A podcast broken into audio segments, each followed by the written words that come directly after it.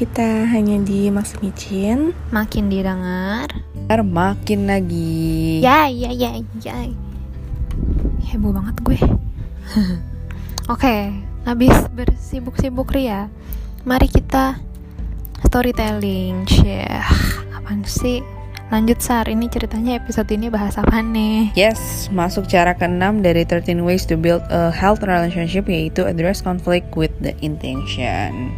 Oke, okay, pantesan di awal tuh ada lagunya Justin Bieber yang intention karena temanya ada intention intention ya gitu ya. Oke, okay, ngomongin tentang hidup. Hmm, kan hidup itu nggak mungkin mulus-mulus aja ya ada aja gitu rintangannya ada aja konfliknya dan semacamnya nah nah Sar coba yuk kita sharing kalian pernah gak sih kayak ngalamin hal-hal uh, rintangan konflik dan semacamnya itu either di lingkup pertemanan keluarga pasangan atau pekerjaan mungkin. Dan gimana cara kalian ngatasinnya? Eh, cara mengatasi bagaimana ya? Tapi ya uh, pastilah ya gitu di dalam kehidupan yang dunia tipu-tipu kagak jelas ini. Kita punya masalah ya kayak kalau nggak ada masalah tuh ya nggak asik guys. Hidup lo nggak asik kalau nggak punya masalah. Jadi gue mau sharing apa ya? Sebenarnya ini nggak konflik-konflik banget juga sih. Cuman kayak konflik gak sih? Pokoknya tapi nggak nggak kayak yang gimana gimana banget. Cuman kayak mangkal aja gitu loh. Jadi kan kayak ada ya lo tau setelah ada hari-hari di mana kita yang kayak capek banget. Maunya tuh kalau nggak istirahat tuh yang ngeluh gitu. Pokoknya pilihannya tuh pilihan hari-hari capek yang ingin gue lakukan adalah istirahat ngeluh nangis gitu. Itu tiga pilihan itu atau itu bisa dilakukan tiga-tiganya oleh gue. Jadi pokoknya gitu.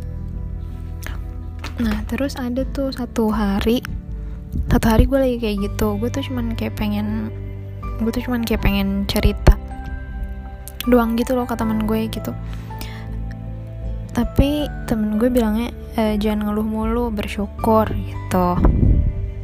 Nah tapi maksud gue tuh bukan ngeluh yang nggak bersyukur gitu ngerti gak sih? Masa kan yang kayak ya capek gitu. Masa ya gue nggak boleh bilang gue capek coy? Kayak lu jangan ngadi-ngadi deh jadi orang. Itu gue bukan yang gak bersyukur.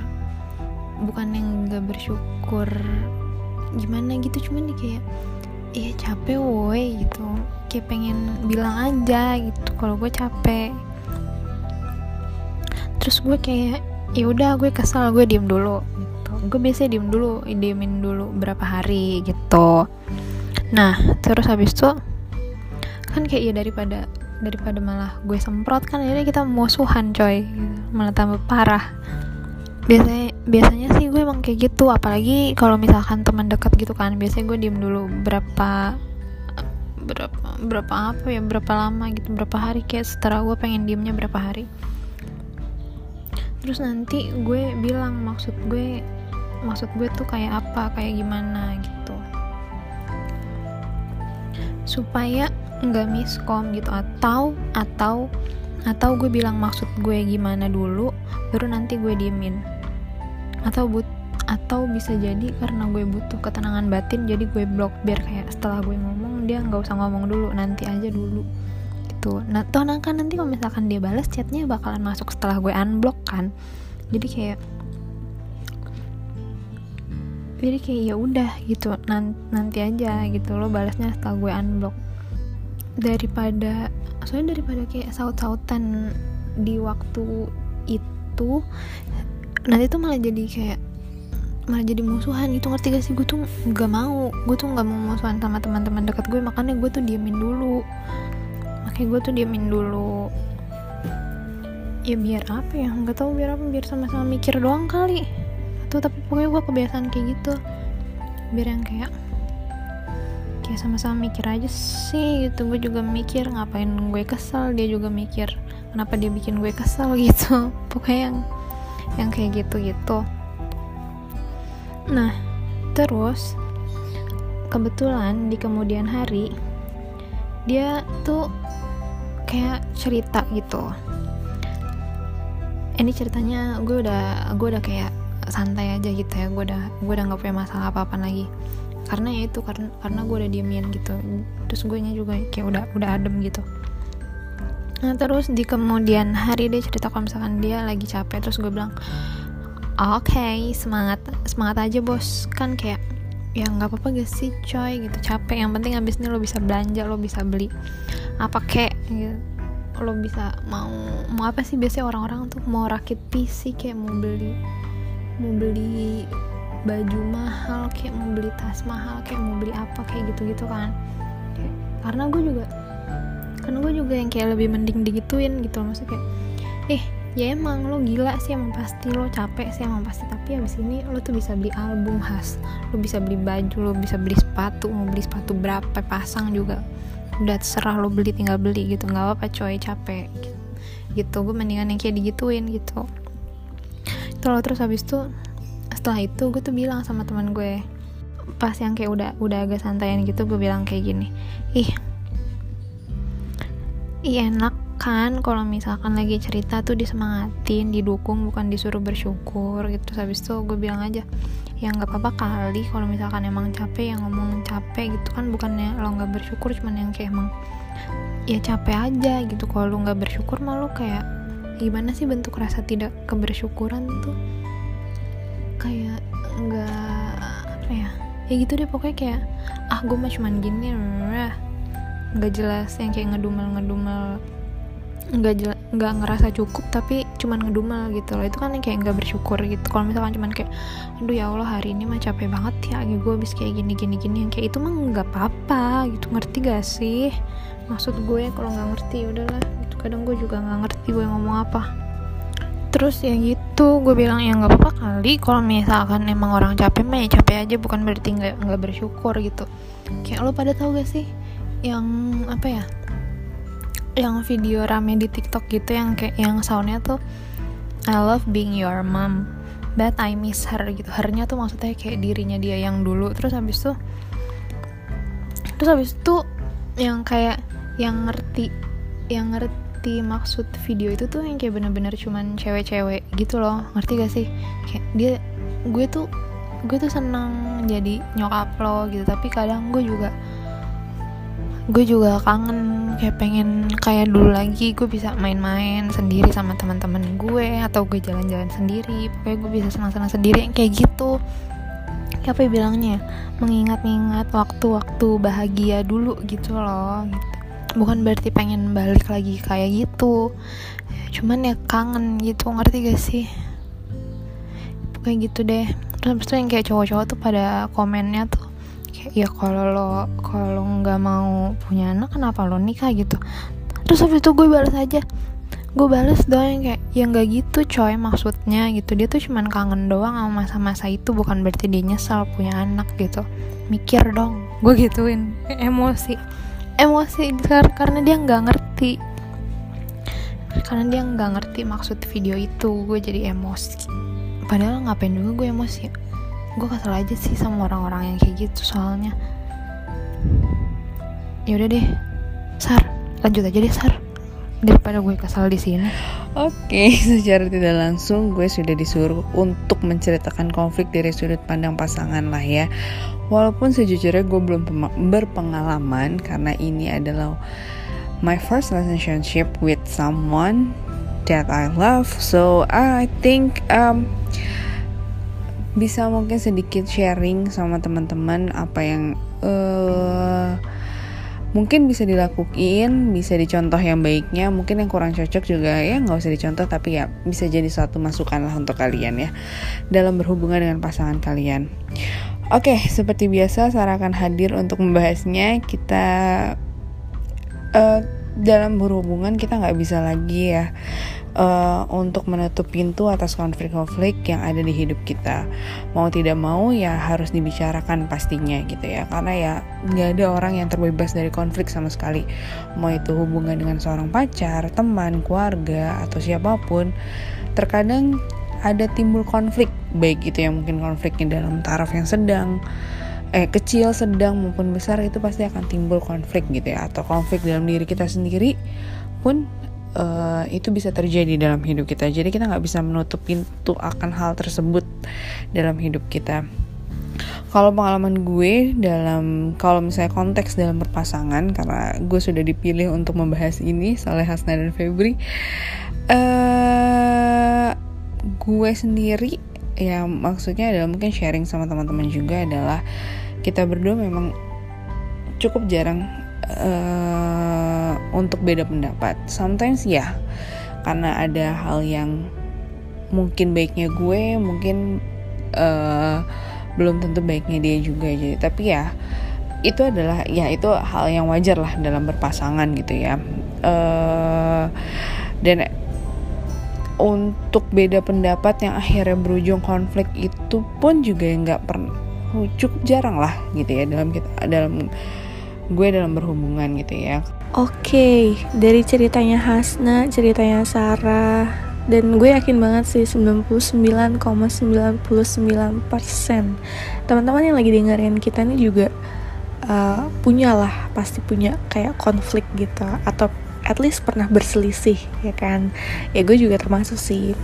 Sebenarnya kalau dipikir-pikir ya perselisihan kita dengan orang lain tuh mayoritas karena selisih pendapat ya gak sih? Tapi ya tergantung gimana cara kita nyikapinnya. Kalau gue sebelum dewasa ya sekarang kan udah dewasa gitu. Maksudnya pas umur umur remaja pas SMA gitu.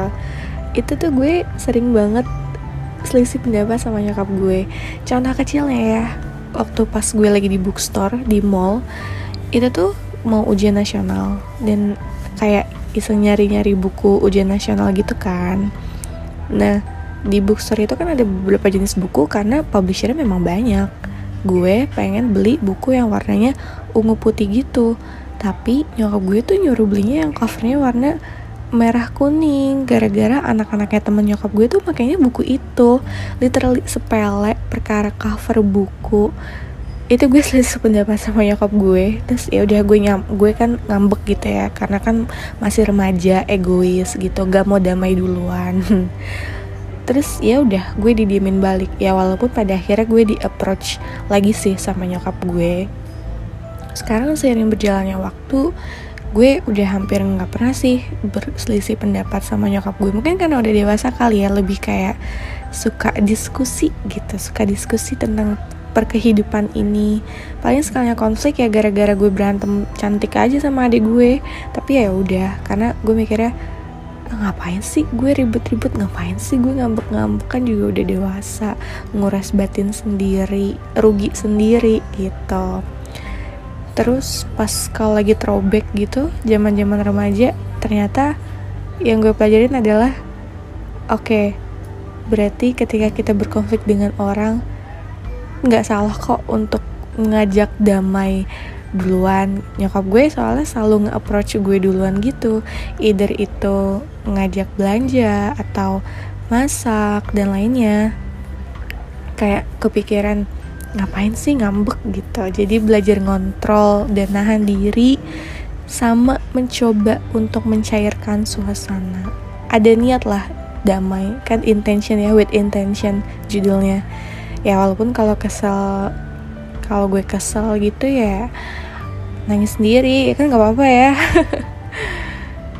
kalau dipikir ya Excel aja tuh ada konflik yang error-error gitu-gitu masa hidup nggak ada gitu. Nah tadi kan gue udah udah cerita yang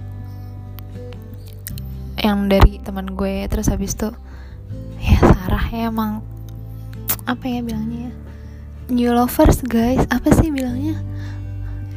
Nggak tahu deh pokoknya pokoknya pasangan baru. Jadi dia harus cerita tentang pasangan karena dari kita semua yang punya pasangan cuma dia doang Febri udah cerita yang dari segi keluarga ya terus terus apa sih nih yang kita pelajarin buat jadi a better me gitu? Menurut kalian gimana cara ngatasin konflik kalian masing-masing yang kayak cara orang ya beda-beda ya tapi ya mungkin cara gue nggak applicable di kalian atau kalian nggak applicable di gue tapi ya nggak apa-apa buat insight aja gitu. Kali aja bisa mempelajari metode baru ya nggak sih? Uh, seberusaha mungkin kita berdua sebelum terjadinya konflik kita diskusi dulu nih untuk ambil uh, sudut pandang masing uh, dari masing-masing kita. Karena menurut gue ya itu cukup penting sebelum timbulnya konflik pada saat udah jadi beda pendapat lebih baik kita diskusi untuk ya ambil sudut pandang masing-masing apa yang menurut dia apa yang menurut gue dan kita coba cari jalan tengahnya seperti apa. Kita uh, juga berusaha untuk jangan ada kata terserah dalam prosesnya seakan kita nggak menghargai sebuah hubungan pada saat terjadinya suatu masalah.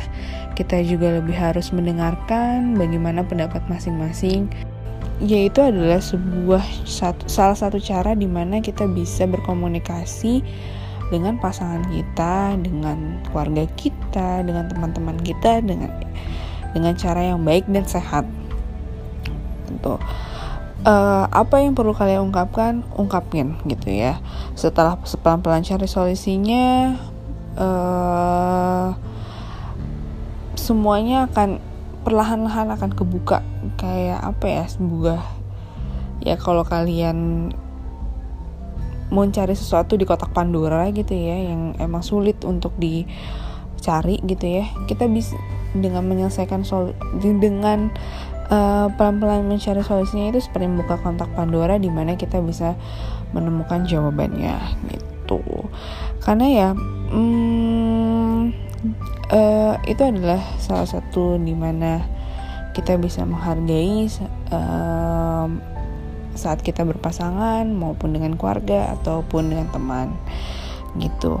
Oh ya, yang paling penting kalau menurut gue adalah selesaiin masalah terlebih dahulu di antara kalian berdua aja dulu. Jangan bawa orang lain dalam kehidupan kalian. Honestly, bukan kita nggak boleh minta pendapat, nggak boleh minta pendapat uh, orang lain dalam permasalahan kita, tapi alangkah baiknya adalah kita uh, menyelesaikannya terlebih dahulu di kita berdua atau di circle yang mempunyai konflik tersebut gitu ya. Baru uh, kita bisa selesaikan uh, masalah itu dengan baik-baik gitu ya. Karena terkadang pendapat orang lain akan sedikit membuat tensi emosi, tensi emosi lebih naik dibanding lebih naik dan turun gitu ya dibandingkan pada saat kalian menyelesaikan masalah berdua gitu ya. Uh, karena uh, ada banyak masukan dari pendapat orang lain yang terkadang kalau itu bagus ya alhamdulillah kalau itu tidak bagus terkadang itu akan menjadi satu hal yang negatif yang akhirnya masuk ke dalam diri kita. Pada saat kita nyelesain konflik dengan orang yang kita sedang berkonflik itu akan mengganggu proses di mana yang tadinya kita udah A tiba-tiba berubah jadi B. Yang tadinya kita udah pengen baik tiba-tiba kita mempunyai thoughts yang lain yang gimana um, harusnya gini ya tadi temen gue ngomongnya kayak gini-gini ya gitu. Jadi sometimes bahwa lebih baik coba tenangin diri kalian dulu uh, cari solusinya baik-baik dulu selesaikan masalahnya berdua dulu atau sama orang-orang yang di circle kalian berkonflik. Baru di situ kalian bisa.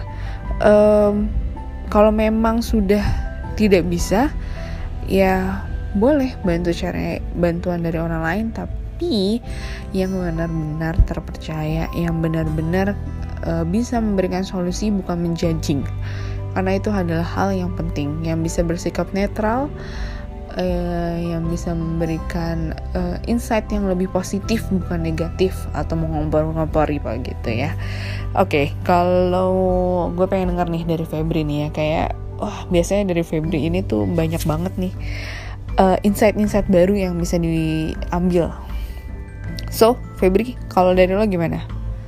Hmm, kalau gue, gue pertama itu memilih berteman. Gini maksudnya, lingkungan itu literally ngebawa dampak buat kita. Ketika kita grow up di lingkungan yang uh, punya positive vibes, itu tuh bisa nge uh, ngebentuk diri kita yang juga jadi positif. Contohnya misalkan kayak kita tuh dikelilingin sama orang-orang yang tenang orang-orang yang nggak menggebu-gebu ketika dihadapkan masalah. Kita tuh kayak belajar dengan sendirinya gitu loh. Kayak punya sikap kepala dingin ketika menghadapi masalah. Karena asli ya nggak ada masalah yang bisa terselesaikan kalau semuanya tuh emosi gitu. Kemudian yang kedua menurut gue tuh fokus untuk nyelesain masalah. Misalkan masalah lo tuh A ya udah lo fokus ke masalah lo yang A itu tanpa ngungkit-ngungkit masalah yang lain. Karena kan tujuannya nyelesain masalah biar semuanya tuh clear biar semuanya tuh damai dan cari solusi atas konflik itu gitu kan. Jadi ya uh, fokus aja ke konflik yang lagi dihadapkan itu. Sama yang ketiga uh, diskusi sih pastinya. Diskusi kayak hmm, kita saling ngobrol mau gimana nih nyelesain masalahnya pokoknya sampai punya satu keputusan biar masalah itu clear. Gitu mungkin ya kira-kira kalasnya gimana nak? Kalau gue sih san beneran yang kayak yang kayak tadi gue cerita gue tuh gue tuh beneran harus diem dulu gitu. Either antara antara gue ngomong dulu panjang maksud gue kayak gimana terus baru gue diem gue blok atau atau gue blok dulu baru nanti gue ngomong tapi kayaknya gue lebih yang kayak gue ngomong dulu panjang lebar maksud gue ini baru gue blok. Karena karena ya seenggaknya dia bisa baca. Jadi bisa sama-sama mikir gitu. Bisa sama-sama mikir dan gue bisa dan dan gue jadi kayak udah lega aja udah udah menyampaikan apa yang gue maksud gitu. Terus kalau misalkan kalau misalkan masalah blok-blokan yang kayak ya nggak tahu itu kebiasaan gue aja. Karena gue tuh butuh butuh jangan dibalas dulu diemin gue dulu. Diem aja dulu nggak usah nggak usah nggak usah ngejelasin apa apa dulu nanti aja jelasinnya. Gue pengen diem dulu. Soalnya ya itu tadi yang gue bilang gue tuh yang gak mau musuhan sama teman-teman gue. Jadi ya makanya gue mau menyelesaikan emosi diri gue sendiri dulu. Karena kan yang kesel kan gue. Yang bertanggung jawab atas emosi gue kan gue. Kalau misalkan kayak teman gue udah minta maaf tapi gue belum maafin kan berarti yang salah gue gitu ngerti gak sih? Karena itu tanggung jawab gue untuk untuk memaafkan dia bukan dia yang terus-terusan minta maaf sama gue gitu. Jadi makanya gue perlu netral dulu baru gue bisa kontak lagi sama yang bersangkutan gitu sih kalau gue. Wah banyak ya intinya cara setiap orang uh, untuk menyelesaikan konfliknya masing-masing. Karena ya setiap orang punya cara yang berbeda-beda gitu ya. Kita nggak bisa menyamaratakan semuanya. Tapi kesimpulannya yuk kita mencoba untuk mengendalikan emosi kita masing-masing. Fokus untuk menyelesaikan konflik karena kita nggak bisa menganggap remeh suatu konflik. Dan uh, kunci utamanya adalah kalau menurut gue adalah di diskusi. Karena itu adalah merupakan aspek yang paling penting pada saat kita terjadi konflik atau mungkin beda pendapat dengan seseorang. Diskusi untuk mencari jalan keluar dari konflik yang sedang dihadapi selesaikan dengan hati yang tenang dan kepala dingin. Karena dengan itu kita bisa nemuin solusi dari konflik yang kita hadapi. Nggak ada menurut gue mungkin nggak ada masalah yang kita tidak bisa selesaikan kecuali masalah itu tidak mau kita selesaikan. So, untuk mengakhiri seperti biasa untuk mengakhiri episode hari ini ada quotes yang kali ini akan dibawakan oleh Febri. Wah, Febri udah lama banget. Biasanya Hasna. Oke, Febri, silakan. Oke, okay, quotes ya. Hmm. Ini quotesnya uh, anonim, jadi terima kasih banget untuk pemilik quotes ini.